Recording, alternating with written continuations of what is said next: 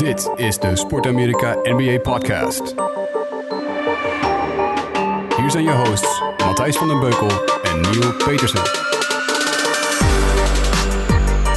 Dames en heren, een uniek moment. Op woensdag opgenomen, de NBA-podcast. Ik weet niet wanneer die uitgezonden wordt, maar we zijn er. Ik ben er en aan de andere kant zit zoals altijd de vrolijke fan Miel Petersen. Miel, hoe is het met je? Ik ben er gewoon stil van. Ik ben er oprecht stil van dat wij het voor het eerst in vier maanden voor elkaar hebben gekregen... een belofte waar te maken aan onze luisteraar. Ja, heel goed. Ik ga dit ook met En ik, zet hem natuurlijk wel eh, pas zaterdag online, dus eigenlijk maakt het ook niet uit. Ja, dat zat ik ook nog na te denken. Want wij kunnen hartstikke hard ons best doen om hem eh, woensdag eh, op te nemen. Maar uiteindelijk moeten de, de producenten en de marketingafdeling en de, ja, de, de social media salesafdeling en zo, die moeten natuurlijk Ja. ook allemaal nog overheen. Dus Nee, inderdaad. Het vriendelijke verzoek. ik, zal ik hem nu alvast gewoon een berichtje sturen? kunnen we niet gewoon voortaan zeggen dat we sowieso op woensdag opnemen. En dan is het niet onze schuld. Maar het is een beetje raar als er dan op donderdag hele grote dingen gebeuren en die neem je niet mee. Dat is wel een beetje vreemd. Ik heb het nu naar Jasper gestuurd. Oké. Top. Maar eh hoi, hoe is het? Ja, goed. Met jou? Eh, heel goed eigenlijk, ja. Heb je een leuk Eigenlijk wel, ja. NBA-weekje gehad?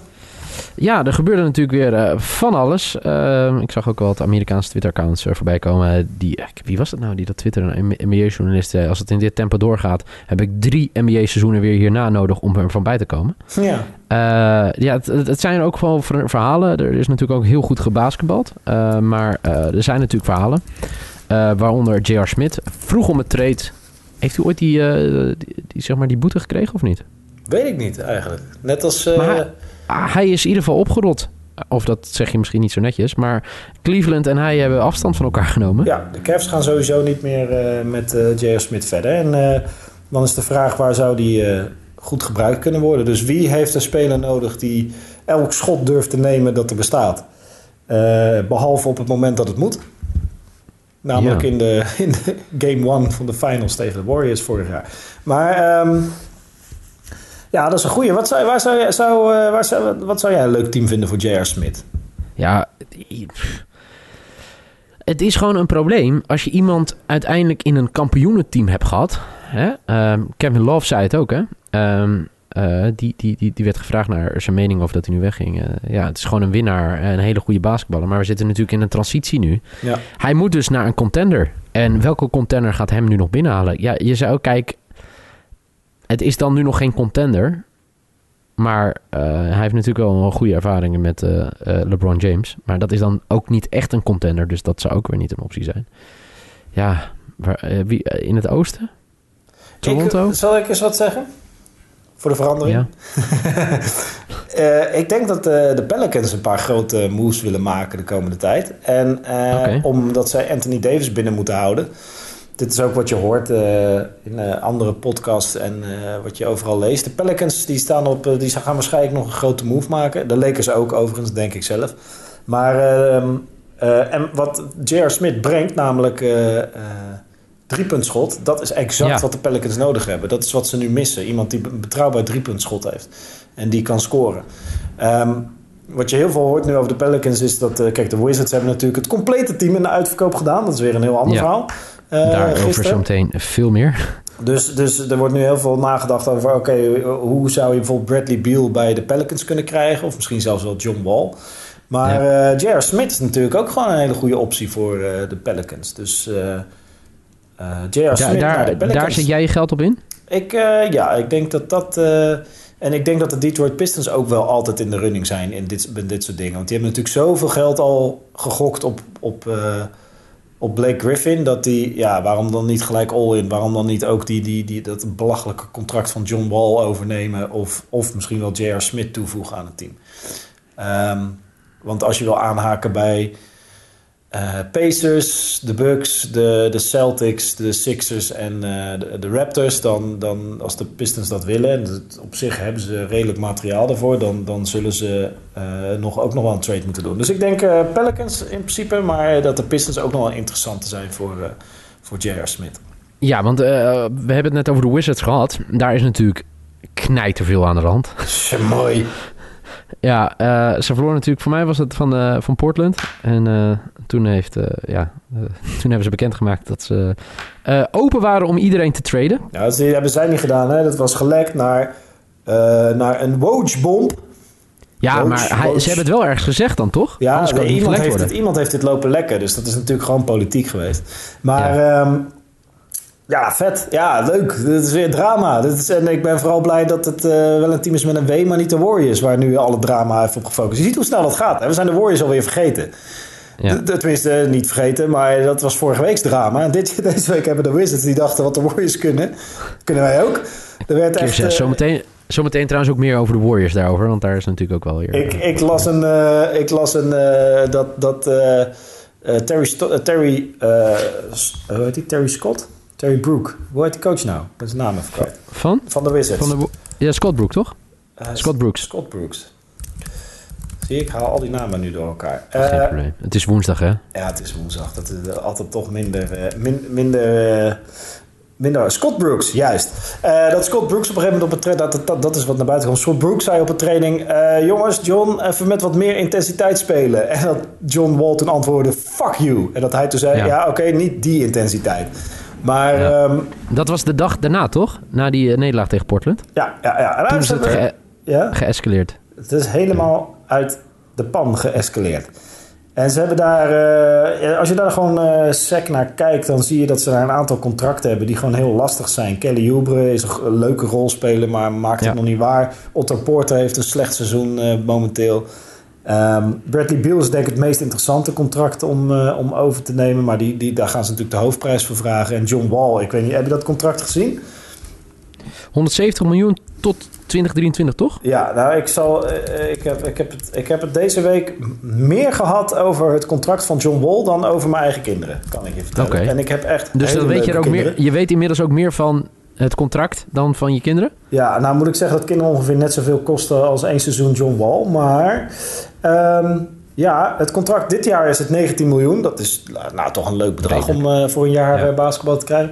Van het volgend jaar is het 37,8 miljoen. Het jaar daarop 40,8 miljoen. Het jaar daarop Ja. 43,8 miljoen. En het jaar daarop player option, dus die zal hij waarschijnlijk wel gaan pakken.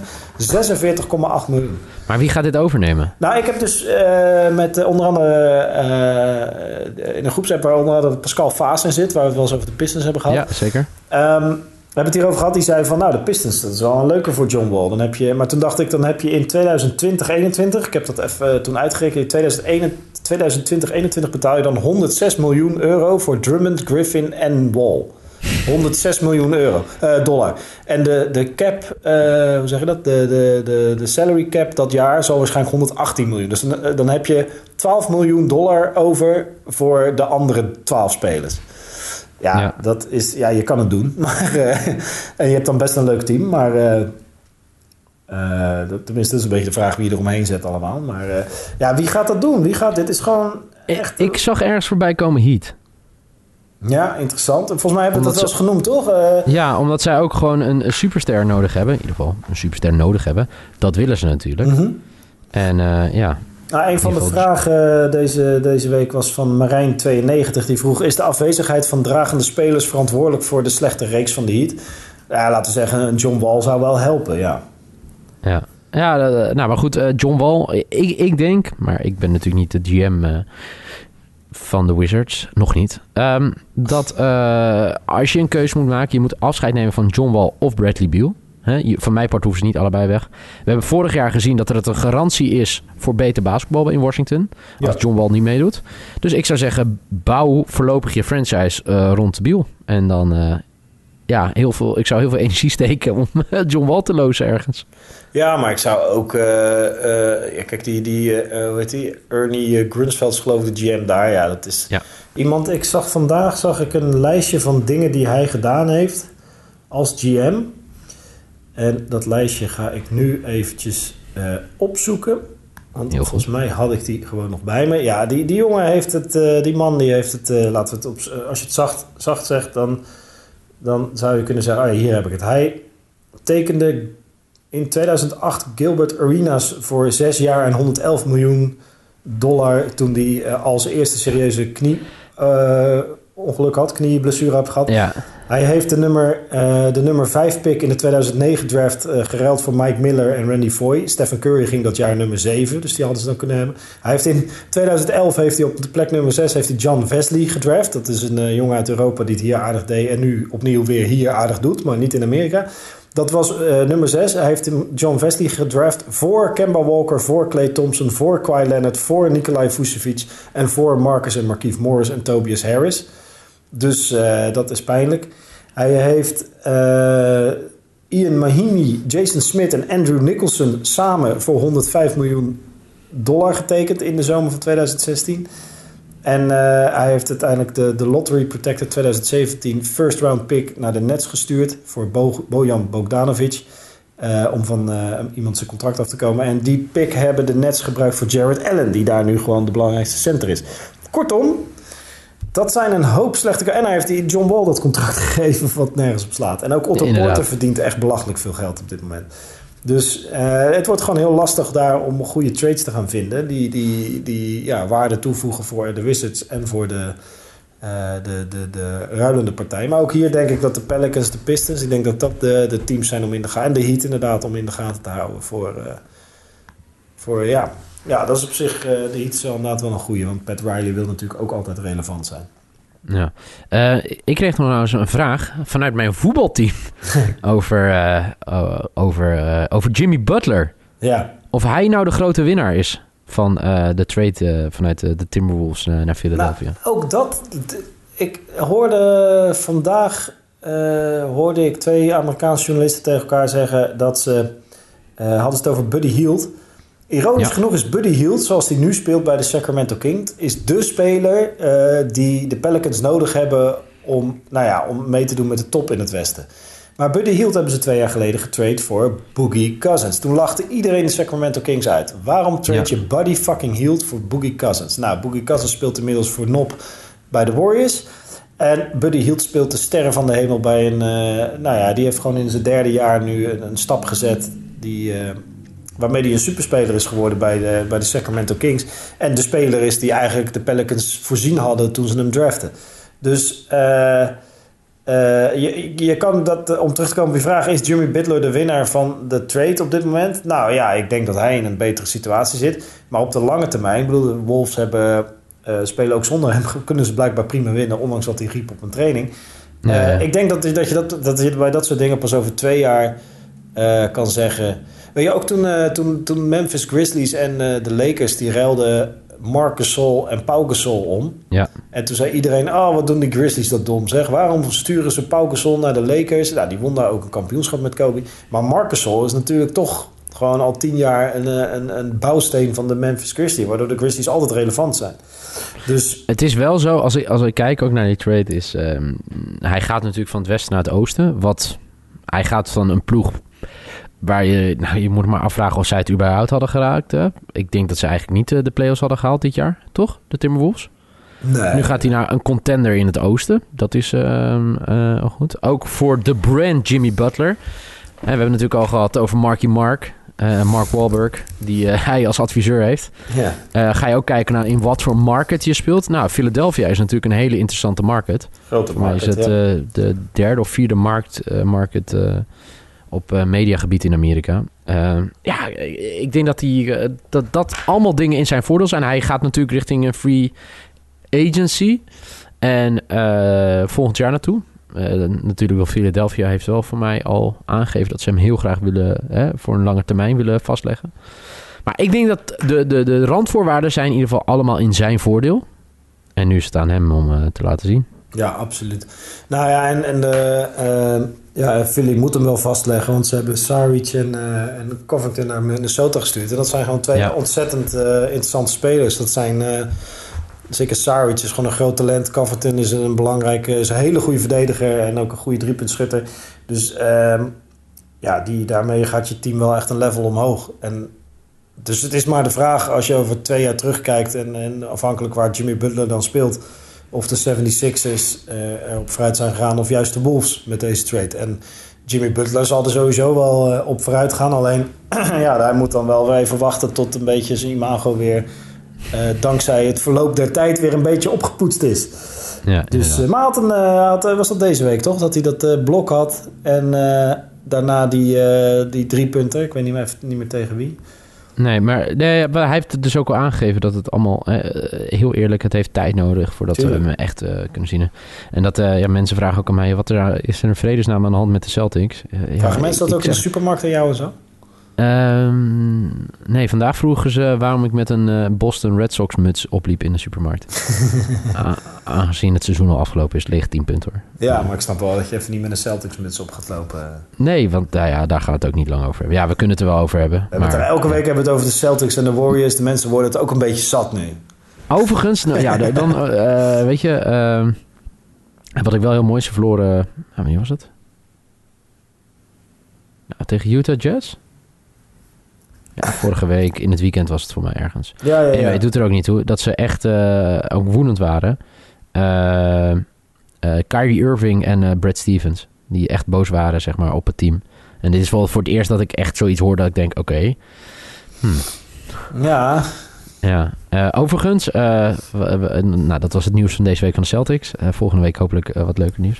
Eh, we hebben het natuurlijk gehad over het gevecht vorige week. Hè? Of het gevecht. eh, eh, het gevecht met woorden tussen Kevin Durant en Draymond Green. Ja. Ehm, Kevin Durant heeft nu gereageerd. Hè? Ja, dit gaat zeker invloed hebben op de free agency volgend jaar. en zei hij...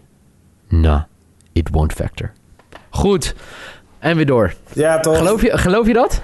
Nou, weet je, je krijgt toch nooit de, de, de, de werkelijke intenties eh, naar boven. De vraag is überhaupt of ze dat zelf nu al weten. Want dat gaat pas volgend jaar spelen. Ik denk dat de Warriors nu Geloof je dat? Wat? Dat het pas volgend jaar gaat spelen? Ja, dat denk ik. Nee, die jongens willen gewoon een kampioenschap winnen dit jaar. Nu zit hij bij de Warriors. Ik denk dat, ik denk dat, ja, ik ga niet zeggen dat het al rond is. Maar er is zeker, eh, zeker al, eh, al gesprekken zijn er al. En gaat hij dan naar de, de volledig gerevitaliseerde Clippers? Iets wat Robert Heltjes trouwens ook vroeg. Zijn de Warriors... eh, even kijken hoor. eh, dat de Clippers lekker draaien. Daar vroeg hij of we het wil, over wilden hebben. Zou eh, Durant naar de Clippers gaan, denk je? Dat is wel een... Dat, dat, dat zegt Bill Simmons, hè? De, de, de potvader. Ja, zeker. Ja, ja, dan krijg je Kevin tegen LeBron, hè? Ja, elke- dan heb je dus om de dag heb je waarschijnlijk gewoon in een week tijd heb je gewoon vier, vijf wedstrijden in het Staples Center met of LeBron of Durant. Ja, dat is wel goed voor de stad hoor. Voor de stad is het heel goed. Ze gaan voorlopig nog geen titel winnen in welke sport dan ook. Maar eh, wel al doen eh, de LA Rams het natuurlijk ook goed. En, eh, maar goed, ik, ik heb het nooit zo op LA. Veel te veel showbiz. Ja, Geef maar gewoon maar een echte sportstad als Boston. Maar goed, ik denk dat de luisteraars dat ook wel weten. Dat dat daarmee ligt de voorkeur ligt. ja, ja, ja, ja, ja zeker. Ehm, ja, nee, zeker. Ja, ik, eh, joh, eh, speelt het mee vast wel. Maar er speelt van alles mee wat we niet weten, niet te horen krijgen. En eh, wat pas later een, een oral history wordt op, eh, op de Athletic. Maar ehm, eh, nee, ja, de Warriors komt... Ik maak me geen zorgen. Ik zie, ze staan wel derde nu in, de, in het westen. Maar ik zie dat kampioenschap... Celtics geen- zesde in het oosten. Of, eh, maar goed, daar gaan we het uh, andere keer over trouwens, over het, eh, in het oosten speelt momenteel eh, één, iemand de sterren van de hemel. Daadwerkelijk fantastische speler. Eh, Ja. Ik geloof al jaren in hem en eh, nu eh, komt het er helemaal uit. De Kemba Walker van de, de Charlotte Hornets. Ja, Neemt dat team weer eens weergeloos op zijn rug. Doet hij over zagen elk ook jaar tegen de. Celtics, hè? Ja, ja, ja. Hij heeft jullie, eh, jullie zeg ik maar, hij heeft de Celtics eh, behoorlijk pijn gedaan. Ja. En eh, Hoe komt het dat het er nu uitkomt? Eh, nou ja, omdat de rest van het team het volgens mij eh, een beetje laat afweten. Ze hebben wel Ja. verschrikkelijk eh, verloren van Cleveland nog. Ja, Ehm, en ze hebben natuurlijk, dat was die wedstrijd waar Jimmy Butler iemand blokte en eh Kemba Walker blokte en daarna de drie punten raakschoot in overtime. Dat is tegen, tegen Philly, die verloren ze dan nog. Maar, tegen, hij heeft eh, eh, 108, Boston- oh, 103 punten gemaakt in de laatste twee wedstrijden. Ja, ja, ja, ja. Ja, dat is Maar- netjes. Ja, maar eh, jij zegt eh, de, de rest doet het niet. Is het spel ook heel erg veranderd, vind je? Hoe bedoel je? Nou, dat, is, dat ze anders zijn gaan spelen. Nee, volgens mij eh, als je kijkt naar... Ik ga het even ik probeer dat nu namelijk op te zoeken. Als je kijkt naar het aantal schoten wat Kemba Walker neemt in een wedstrijd... is dat niet heel erg anders dan anders nu. Maar het is wel gewoon een speler waarvan je zegt... daar moet, je, daar moet Michael Jordan, die de chef is van eh, de Hornets, Ja. de GM... eh, of de eigenaar... en die moet daar wel Eh, die moet daar gewoon... Of hij moet kiezen. Of, kijk, het feit is dat de Hornets Kemba Walker gewoon al het geld moeten geven wat ze hebben. Die moeten hem gewoon een John Wall contract aanbieden. Ze hebben geen andere optie. Dit is de beste speler die ze hebben en die ze voorlopig zullen krijgen. De vraag is, moet Kemba Walker dat geld aannemen of lekker ergens gaan spelen waar hij wel kansen maakt op uh, kampioenschappen. Want het ziet ernaar uit dat de Hornets gewoon niet in staat zijn om een goed team rondom hem te bouwen. Ze hebben een aantal leuke spelers, uh, ook vanuit de draft doen ze het redelijk goed. Um, maar uh, die Malik Monk van vorig jaar doet het dit jaar wat beter dan is een rookie seizoen. En ze hebben nou, nog eentje rondlopen, ik weet even zijn naam niet. En die... Ehm, maar zijn naam weet ik zo wel. Die, die uh, Miles Bridges. Dus die, die, dat zijn leuke rookies. Uh, ze hebben er Nicholas Batum. Ja, en dan houdt het een beetje op met wat ze hebben aan spelers. Ja. ja. terwijl het is een hartstikke leuk team hoor. Een goede verdedigend team. Goede coach ook. Alleen uh, met alleen Kemba Walker ga je het gewoon niet redden. Ja. Dus of... Over, ja? ja, nee, zeg maar. Nou ja, dus of hem al het geld geven en een goed team om me heen bouwen. Uh, ja, of Kemba Walker moet gewoon zeggen... jongens, dat is leuk geweest. Ik ga ergens anders uh, gewoon spelen voor de prijzen. Overigens, uh, je had het net over de eigenaar Michael Jordan. Ik zag een heel mooi artikel uh, van de week voorbij komen. Een beetje goodwill in de podcast is nooit slecht, hè? Voor de, de, de, de barre, donkere dagen die voor ons liggen. Uh, Michael Jordan heeft geld gedoneerd eerder dit jaar bij de Hurricane. Die, zeg maar, North Carolina heeft ja. geteisterd. En hij kreeg deze week kreeg hij een huk van een Stephanie Parker. En zij vertelde dat mede dankzij de donatie van Jordan die 1 miljoen dollar had gegeven eh, aan het Rode Kruis. Uh, dat, die, dat zij er weer hoop in had dat het allemaal weer goed zou komen. Ze, heeft namelijk, ze is gevlucht voor de, voor de, de, de orkaan. En uh, toen ze terugkwam was er niks meer over. En uh, ja, dus moet het weer opgebouwd worden. En het is ook wel mooi, wat ik van Jordan... Want ik kan me dus voorstellen als je Michael Jordan bent... of dat je iemand bent met heel veel geld... dat je om heel veel dingen wordt gevraagd. Hè? Mm -hmm. Kan je hier dit helpen? Kan je dat helpen? En hij zei, ik vind het dus nu zo mooi om te zien... dat... Uh, dat wanneer je geld geeft, dat het ook goed terechtkomt. En dat het echt goed besteed wordt. En dat was hier heel erg zichtbaar. Daar was heel mooi om. Ja, dat ja. vind ik uh, wel mooi. Dat even tussendoor, hè, over de eigenaar van de Charlotte Hornets. Uh, hij, hij, had dat miljoen natuurlijk ook gewoon kunnen investeren in een goede speler om Kemba Walker te helpen. Maar dit is ook leuk. Ja, nee, zeker. Goed. Jij uh, vindt dat hij het niet had moeten doen? ja, tuurlijk wel. oh, Oké, okay, heel goed. Maar nee, ja, zeker. Het is, dat er gaat... Uh, is het fijn om zoveel geld te hebben dat je af en toe gewoon een miljoen kan weggeven aan. Uh... Dat wij het konden? Ja, nee, maar wij hebben dat. Komt uh... dichterbij die dag. Het komt wel, ja. Ik merk gewoon aan alle kanten dat deze podcast hard gaat vliegen. En dat ja, je moet het geld echt een beetje gaan wegslaan nu. Want, Als je nou luistert en je denkt, ik wil investeren in deze podcast. Het, gaat niet, het hoeft niet per se een miljoen te zijn, hè, waarvoor Matthijs en ik de podcast opnemen. Nee. Er valt over te onderhandelen. Zeker. Goed. Uh, dat is zeker waar. Zijn er nog, uh, heb, je, heb je nog een beetje NBA kunnen kijken de afgelopen week? Ik heb uh, naast al het geweld in college voetbal en de, de, NFL... heb ik nog live... Ik zit even terug te kijken of ik potjes afgelopen weekend heb meegepakt.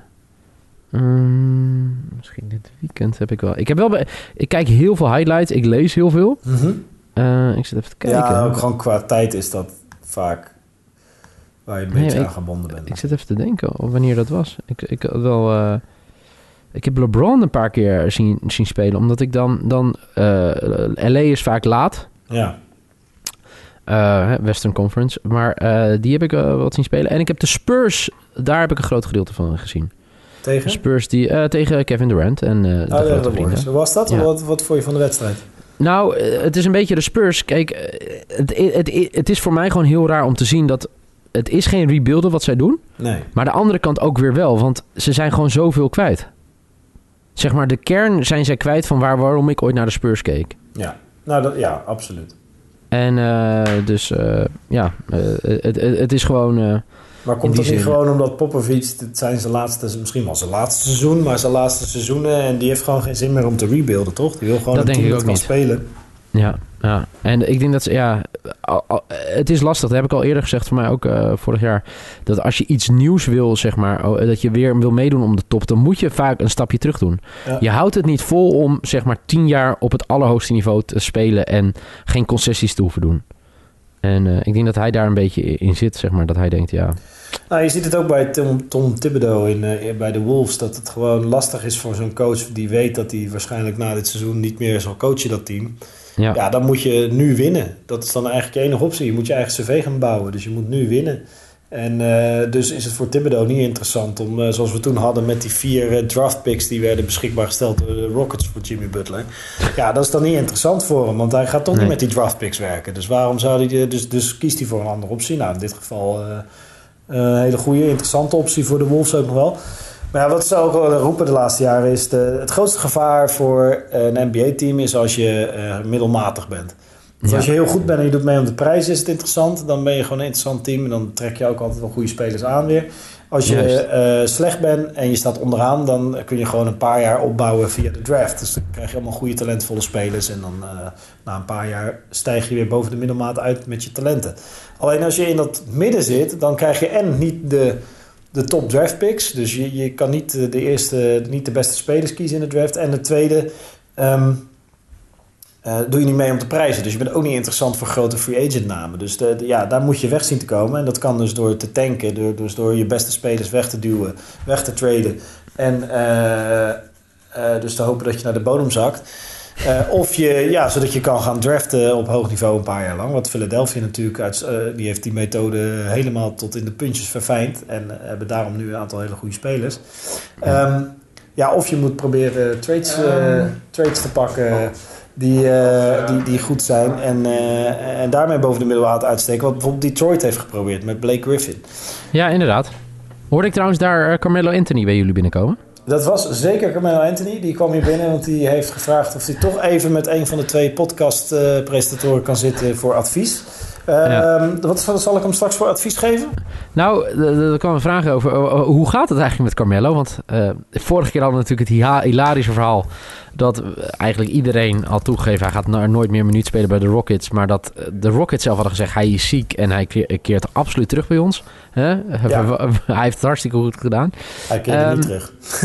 Nee, ehm, eh, ik eh, kreeg van iemand een vraag. eh, maar als ze hem niet met de verder zijn, waarom releasen ze hem dan niet?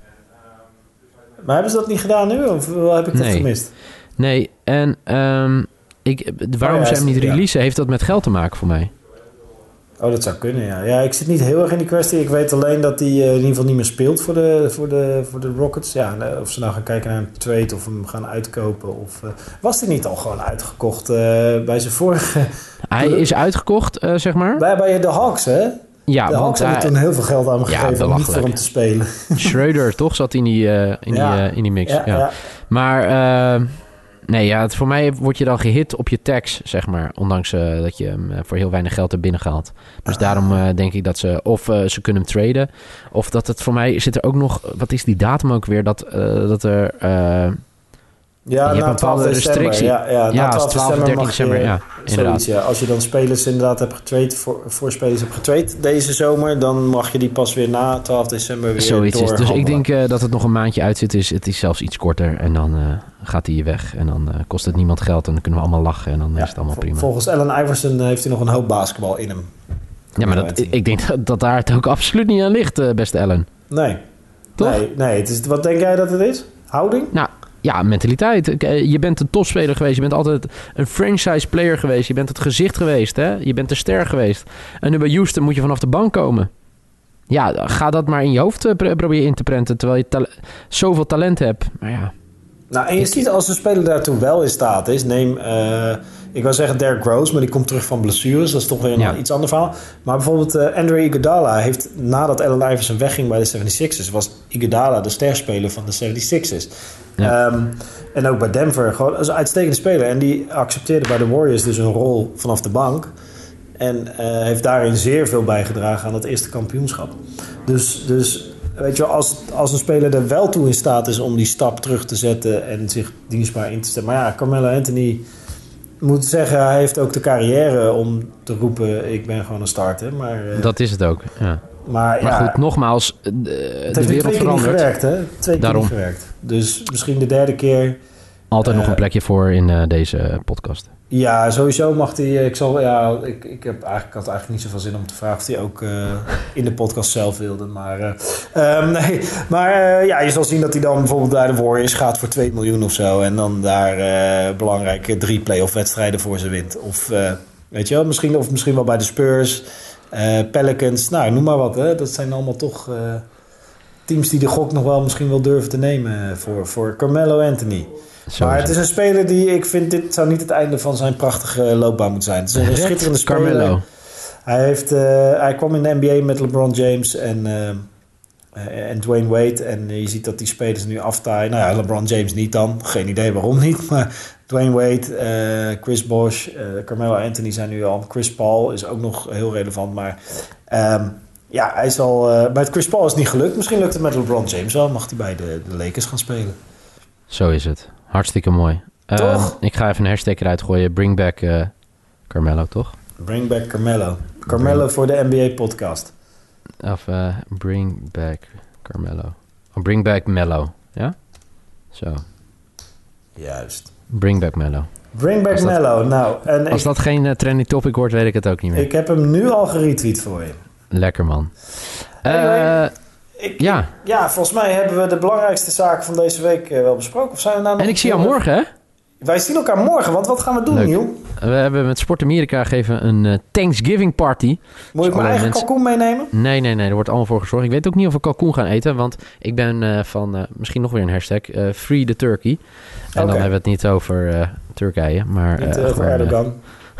nee, hashtag Free the Turkey. Uh, elk jaar wordt toch de president... Ik weet niet, eigenlijk niet of dat onder Trump ook gebeurt. Ik weet dat onder Obama werd er altijd zo'n één zo'n kalkoen... werd toch gezegend. Ja, ja gratie verleend, toch? Ja. ja, die mocht blijven leven. nou, dat heb ik bij deze ook gedaan. Dat zijn echt verschrikkelijk, maar goed. Er kijkt nu een kalkoen mij namelijk recht in de ogen aan... en ik moet hem nog gratie verlenen. En uh, dat ga ik ook zeker doen. En uh, okay. deze kalkoen leeft dus nog Shout-out Marianne Thieme van de Dierenpartij. Juist. Maar uh, de, nee, we gaan hartstikke lekker gezellig eten. Ja, want ik kom we gaan NFL-wedstrijden kijken. Oké, okay, want ik heb wel gezegd dat ik kom, maar ik heb geen... Gaan we die van maandagavond terugkijken? Ik heb gehoord dat de, de. Ook, ook. Uh, waarschijnlijk wel. Maar er zijn gewoon live-wedstrijden. Drie wedstrijden morgen. Thanksgiving is het in Amerika. Oh, het is tuurlijk, één... Ja. Ja, het is gewoon gekhuis. Uh, morgen dus ook geen NBA-wedstrijden, donderdag. Uh, nee. Vrijdag wel volle bak. Ja. En het is, uh, ik kan iedereen aanraden ooit om met Thanksgiving naar Amerika te gaan... en een Amerikaanse familie op te zoeken en daar aan te bellen... of je Thanksgiving met ze mag vieren. Want het is echt een van de mooiste tijden om in Amerika te zijn... met zoveel sport, eten, drinken, gezelligheid. Kortom, kerst. Ik heb er zin in morgen. Heel leuk om je weer te zien. Ja, en ja, dat was het dan nog voor deze week, hè? Op dat de woensdag. Op de woensdag. Geen idee wanneer die uitgezonden wordt. Maar, maar uh, het was woensdag, want uh, het, het, was buiten slecht weer. En de rest van de week was prachtig weer. Dus het was absoluut woensdag dat we het hebben opgenomen. Is goed. Matthijs, thanks man. Ik zie yes, je morgen. we spreken elkaar. Zie je morgen. Yo. Hoi.